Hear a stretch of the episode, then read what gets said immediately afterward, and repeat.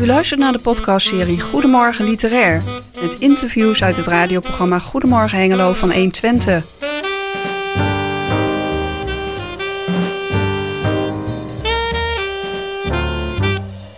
In deze vijfde aflevering hoort u Jos en Chris in gesprek met Arjan Mulder over zijn filosofische werk Fijn zo'n brein.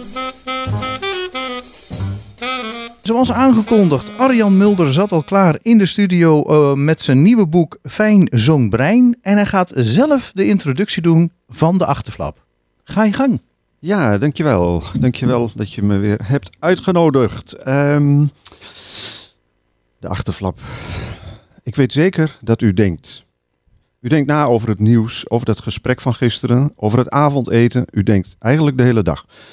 Maar waarom doet u dat eigenlijk? En schiet u er veel mee op? Het boek Fijn zo'n brein laat zien hoezeer uw denken u in de tang heeft. U denkt dat u orde in de chaos schept, maar u denkt vooral achter de feiten aan. Moet u dan maar niet meer denken? De boel, de boel laten? Ik denk het. Onze toekomst hangt er namelijk vanaf. Maar denk daar, na het lezen van dit boek, gerust zelf eens over na. Zit ook ja. meteen vol tegenstrijdigheden, hè Jos? Ja, nou goed, uh, zo kennen we uh, natuurlijk uh, ook van zijn vorige boeken als Boeddha, Darwin kende en de dag dat Boeddha lachte. Dat zijn toch ook wel dingen die mensen aan het denken zetten. En met dit boek, Fijn zo'n brein, ik weet niet of je in dit boek de Boeddha gedachte hebt losgelaten. Maar we hebben net in het voorgesprek even met elkaar over gehad. wij denken te veel na over een heleboel dingen. En is dat eigenlijk wel is dat eigenlijk, nou ik wil niet zeggen de bedoeling, maar dat ons leven wordt beheerst. En we hebben ook uh, afgesproken dat we het wat nu heerst, de pandemie, proberen buiten, uh, buiten het boek te houden. Ja. Want dat, ja, dat is toch een, een, een verhaal apart. En dan, gaan, dan hebben we weer het zoveelste gesprek daarover. En dat zouden we niet willen. maar wat heeft jou gebracht tot dit boek? Want je hebt natuurlijk veel gereisd. Je hebt veel nagedacht. Je hebt je eigen filosofie op het leven. je bent een levensgenieter. Maar dan zeg ik van, dan schrijf je dit boek. Heel erg treffend, denk ik. Maar dat zet de mensen wel aan het denken. Dat is ook de bedoeling met al jouw boeken. Maar waarom juist dit onderwerp op dit moment? Nou, um, zoals je zegt, ik, uh, ik heb veel gereisd, veel gezien, veel verschillende culturen gezien. Um, ik ben nogal onderzoekend en nieuwsgierig. Dus uh, ik kan het zelf niet laten om daar dan uh, over na te denken. Om van afstand eens te kijken. Um, en je uh, haalde mijn vorige boeken al aan. Um, ik heb daarmee, uh, daarbij ook in, in Azië rondgelopen, met het boeddhisme geconfronteerd. En dan zie je steeds meer uh, hoe bijzonder onze westerse wereld eigenlijk in elkaar zit. Um, en langzamerhand ging ik steeds meer denken, waarom, waarom zitten we zo vast in dat denken van ons? Het is alsof het niet anders kan, het kan dus wel anders. Als je in andere culturen loopt rondloopt en kijkt, dan zie je dat het ja, feitelijk ook maar een keuze is. Maar, maar blijkbaar niet, want we zitten helemaal vast in ons uh, westerse denken. En heb, uh, heb je die vraag beantwoord gekregen van waarom zitten we zo vast in dat denken? Nou, um, ja, voor mezelf wel. Um, waar ik uitkwam uh, was uiteindelijk bij, laten we zeggen, de twee oerverhalen van de mensheid. mensen leven vaak Um, volgens verhalen. Dat was al bij het mhm. kampvuur. Mensen horen verhalen. Zo wordt geschiedenis vastgelegd op een abstracte manier. Zo hou je culturen bij elkaar. Als je, als je daarin duikt, kom je eigenlijk bij twee oerverhalen van de mensheid. En um, in het Engels uh, zou je dat kunnen noemen The Story of Separation. Daarmee kan ik heel erg uh, zeg maar de westerse wereld uh, verklaren. Ehm, maar daartegenover staat een heel ander verhaal The Story of Interbeing. In het Nederlands zou je kunnen zeggen: het eerste is het verhaal van de geïsoleerde mens. Ja. Het andere is het verhaal van de universele samenhang. Nou, de westerse wereld denkt eigenlijk heel erg vanuit die uh, geïsoleerde mens. Um, wij zien onszelf als uh, uniek persoon, apart uh, van iemand anders. Ik ben ik, jij bent jij. Um, ik ben iets anders dan de natuur om mij heen. Deze aarde is wat anders dan de kosmos om ons heen. Wij zien eigenlijk heel erg steeds die um, tegenstrijdigheden, die verschillen. Mm -hmm. En dat leidt uiteindelijk, als je in dat verhaal meegaat, altijd tot een soort van strijd. Ja? Meer voor jou is minder voor mij. Um, mm -hmm. Ehm, het andere verhaal, dat is veel meer wat je ziet bij, laten we zeggen, de oude, de oude inheemse volken, nog steeds. Eh, van de Hopi-Indianen Ja. eh, tot eh, enzovoort. eh, maar ook in de Oosterse filosofie, daar zie je meer die story of interbeing uitgaan van ehm, universele samenhang. Wat eronder ligt is dat ieder mens natuurlijk bewustzijn heeft. Hè, dat is dat denken van ons. Mhm. Ehm, dat bewustzijn maakt ook dat wij onzeker zijn. We weten uiteindelijk dat we doodgaan. Ik wil corona eh, er niet bij halen, maar eh, daar speelt Nou ja. natuurlijk een hele grote rol in dat denken. Hè? Ja. Eh, dus ehm, dat maakt ons in principe onzeker. En hoe ga je daarmee om? Mhm. Ga je jezelf, eh, ga, je, ga je de strijd aan, wat de westerse wereld heel erg doet.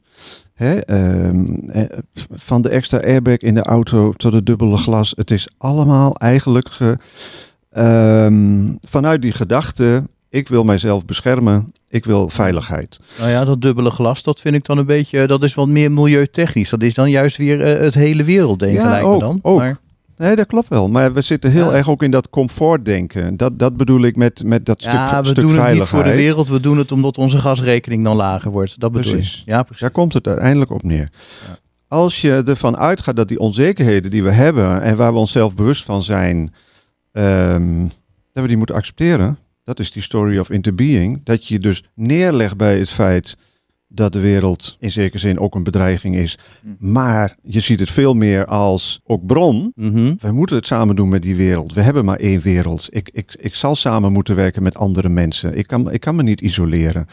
Ik kan het wel proberen. Nou, als je heel erg uitgaat van die andere kant, de samenwerking, Mhm. samen met anderen, dan leef je meer als de inheemse volken. Dan, dan, dan Ja. doe je niet oneindig je best Ja. om jezelf te beveiligen. Is, is dat denken vanuit die onzekerheid, hè, wat jij Ja. nu beschrijft, heeft dat ook een enorme invloed op ons welzijn? Want eh, ik kijk er naar me heen en dan zie ik een heleboel mensen die gelukkig zijn binnen hun vier muurtjes, binnen de muren van het resort, tijdens vakanties. Dat zijn mensen die voelen zich daar ontzettend happy, omdat ze zeggen van hier heb ik een stukje zekerheid. Maar, eh, en, en als ik jou mag beluisteren, zeg je juist die, die drang naar zekerheid vanwege de onzekerheid. Ja. Eh, wat doet dat met ons? Maakt ons dat gelukkiger? Of eh, zeg je van de mensen die leven zoals Ja. eh, de, in, de, in, de bevolking in, in de oerwouden, geen, zijn geen- die gelukkiger? Geen geluksprofessor, maar. Nou. nou, weet je, wat een, wat een deel van die story of ehm, separation is. Ik zie mijzelf apart.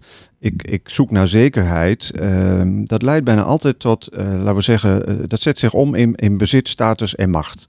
Hè? Ja. eh, ehm, Mhm. Daar komt het eigenlijk op neer. Maar hoe meer bezit, status en macht ik verwerf, hoe meer ik eigenlijk daarmee mijn eigen onzekerheid weer versterk. En daarmee is het ook een, een soort visieuze cirkel. Ja. Als die mensen in dat resort zitten, voelen ze zich denk ik echt gelukkig. Omdat ze die wereld buitengesloten hebben. Omdat er een ober eh, alles loopt te bezorgen. Ze hebben er een boel geld voor betaald. Maar ze willen wel volgend jaar weer. Ze willen wel die baan dus in stand houden. Dus de rest van het jaar zitten ze eh, eh, als slaafjes in het kantoor te doen wat de baas wil. Ja. Want, nou, dus dat is zeg maar die cirkel waar we in vastzitten. Als we een keer in die lust zitten, kunnen we bijna niet anders dan op die manier denken. Ja? Dus- ja. Ja, ja, het, het had er even net een heel andere associatie. Dat was eigenlijk meer met dictators. Zo van hoe meer macht ze vergaren, hoe meer moeite ze ook moeten doen om die macht te houden. En dan Ja. krijg je dus inderdaad allerlei rare dingen, maar ook uit onzekerheid. Omdat ze weten, als ze niet onderdrukten, dan worden ze over de voet gelopen. Ja, Precies. Onder de voet gelopen. Ja. Ehm, Maar je komt dus bijna niet uit die cirkel. Nee. Dat, dat is een culturele kwestie. Als jij geboren wordt in een andere Ja. cultuur. En ehm, dat is wat ik zie eh, bij die inheemse volken.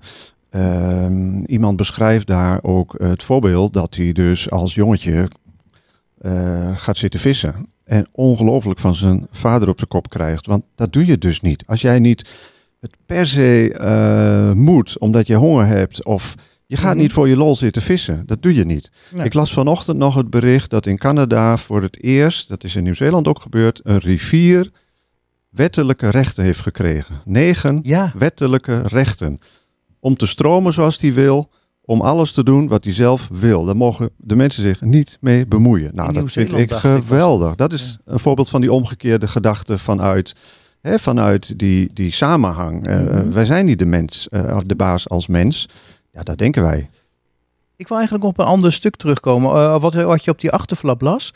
Uh, dat ging over dat wij eigenlijk achter de feiten aandenken in plaats van blijkbaar vooruitdenken. Ja. Ik denk van, wat proberen we het? Ja, ja ik denk van, ja. Ik pro we proberen ja. toch juist inderdaad vooruit te denken. We zitten nu met de verkiezingen. Uh, verkiezingsprogramma's, die zijn als het goed is geschreven om dan de toekomst wat beter te maken. Hoe bedoelde je dat eigenlijk? Nou, ik denk dat dat nog steeds op een veel te kleine schaal is. Uh, uh, de toekomst, dat is morgen. overmorgen misschien. De Indianen denken zeven generaties vooruit in beslissingen die ze nemen. Dus wat ik nu doe, wat zijn de gevolgen voor de kinderen van mijn kinderen, van mijn kinderen, enzovoort, enzovoort, enzovoort. En als dat niet zo helder is, doen ze het niet.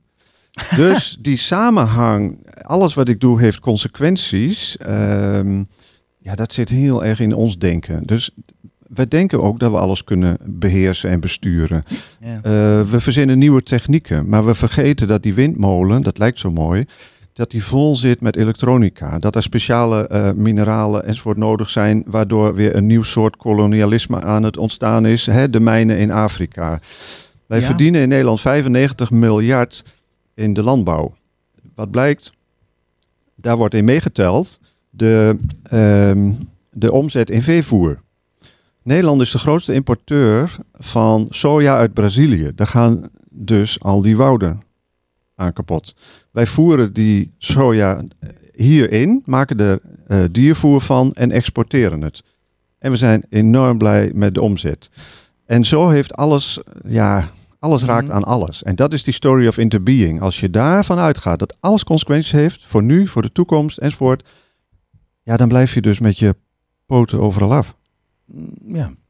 Nou ja, goed, dat, dat, dat is inderdaad zo. Alleen dat, dat omschakelen naar dat denken. Hè, want uh, je, je wilt graag dat, dat andere mensen door onder andere het lezen van jouw boek zeggen van wij gaan dat denken omschakelen. Nou, dat, dat is ook een proces van geleidelijkheid. Want wij, uh, ik zag vandaag nog een column in, uh, staan van iemand die zegt een uh, jaar of 20, 30, 40 geleden dachten politici nog 20 jaar vooruit. Nu denken ze hooguit uh, uh, een paar weken vooruit. Mm -hmm. Want dat is wat het menselijk brein kan behappen. Ja. Nou, dat, dat, dat zie ik ook als een gegeven op dit moment. Hè? Ja. Nou, en, daar kom je ook een beetje natuurlijk bij, moet je mijn titel positief of, of meer cynisch lezen. Hè, is ons brein evolutionair gezien nou echt wel zo slim? Hè? Wij, wij, uh, wij kunnen uh, er heel veel zekerheden mee creëren. Dat doen we ook. Mm -hmm. um, maar inmiddels doen wij dat eigenlijk zo disproportioneel. Met zoveel power zijn wij de wereld naar onze hand aan het zetten. Um, mm -hmm. Ja, dat we nu onszelf al aan het beschermen zijn, maar dat het bijna tegen de evolutie ingaat, zeg maar. Hè? De, de, de, de zwakste overleeft nu en niet de sterkste. Ja. Dan zeg ik het misschien heel cru, maar... Dat is evolutionair ook niet zo slim, eerlijk nee. gezegd. Nee, precies. Um, ja, dus misschien was, zijn ik, we wel de kortstlevende soort. Wie ja, zal dat ja, zeggen? We zitten fijn ook weer bijna door de tijd heen. Maar ik bedenk me net, ik zat, was eigenlijk door de titel van het boek eerst een beetje nog op het verkeerde been gezet. Ik dacht even dat je zo concurrent was van die uh, televisie uh, hersenwetenschapper. Ik weet zo gauw zijn naam even niet. Erik Scherder, ja. Ja, die. Ik denk van nou, dat is dan even eentje die ook weer over het brein meer wetenschappelijk bezig gaat. Maar ik begrijp inmiddels dat het daar eigenlijk niet over gaat. Dat het meer gaat van wat we met ons denken doen en wat we zouden moeten doen. Vandaar ook de, de voorplaat die niet iedereen eerst begreep, waar iemand uh, oh. uh, naar de kosmos uh, staat te kijken in zijn eentje. Ehm, nee, dit is echt vanuit een, een, een, bijna kosmisch perspectief. Als je nou eens terugkijkt, hè, iedereen wil graag naar Mars. Ga naar Mars, kijk terug naar de aarde en dan, dan, dan lach je helemaal rot als je kijkt wat we hier zitten te doen. Ja, ik, ik heb ter overpeinzing, ik weet niet ja. of je er antwoord op kunt of wilt geven, en ook vanwege de tijd heb ik één vraag en dan moet ik toch ja. in, in, het heden uh, zeggen van... Hoe is het in vredesnaam mogelijk als ik jou beluister en straks jouw boek ga lezen... dat de hele wereld, nou zeg maar, of een groot gedeelte van wat wij de geciviliseerde wereld uh, noemen... zo waanzinnig bezig is met twee prikkies en we zijn er. Ja, voor mij is dat echt het ultieme uh, bewijs hoe we gevangen zitten in die angst... Uh, we zijn bereid een heel jaar. Ik, ik, ik, ben, ik ben geen antivaxer, ik ben geen wappie. Dat, dat, Maar we zitten in dat systeem. Ik geloof ook niet in complotten. Er, zijn, er is niemand op deze wereld die met 1, 2, 3, 5 man de wereld kan besturen en uitdenken. Dat is een complot. Nee, maar we hebben een maatschappij die, waar we elkaar in de greep houden. We denken ieder voor zich op die manier. Dus de een is bereid om een jaar thuis te zitten in afwachting van een prikkie. Uh, de ander denkt uh, aan zijn uh, aandeelhouders omdat hij zelf bij die farmaceutische industrie werkt. Rutte denkt aan de, na, de dichtbij de toekomst zijn eigen overleven. Iedereen is vanuit die angst bezig. In elke organisatie zie je een soort piramide en ja. ja. Ja, we je moeten, houdt elkaar vast. Ja, we moeten stoppen. Ik zou zo het uur vol willen kletsen eigenlijk. Ja, ik maar, ja eigenlijk wel. Ik, toch nog één kort vraagje. Um, van, uh, oké, okay, uh, je geeft nu al aan van hoe we eigenlijk niet moeten denken. Maar heb je ook een idee van wat we wel moeten doen? Ik... Moeten de mensen ja. het boek lezen, zou ik zeggen. Kijk, we, ik zeg al, we zitten zo vast in die cyclus dat dat niet eenvoudig is. Als je geboren wordt in zo'n... Uh, mm story of interbeing. Als je, als je van je vader al op je kop krijgt dat je zo, zomaar zit te vissen, wat niet de bedoeling is. Um, dan, ja, goed, dan denk je anders. Ja. Dan groei je daarin op. Ik, ja, ik weet het ook niet zo goed. Misschien moet dat mijn, mijn volgende boek worden. Hoe gaan we over van dit denken in dat andere? Nou ja, heel simpel. Die jongen mag niet vissen, maar wat mag hij dan wel doen? He, dat is dan ook weer... Ja. Okay. Hij mag wel vissen als het nodig is. En niet, niet voor de lol. Arjan, Arjan Mulder, schrijver van Fijn Zo'n Brein. Bedankt. Graag gedaan.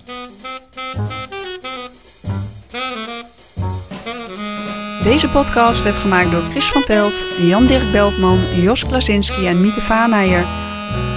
Bedankt voor het luisteren en graag tot de volgende podcast.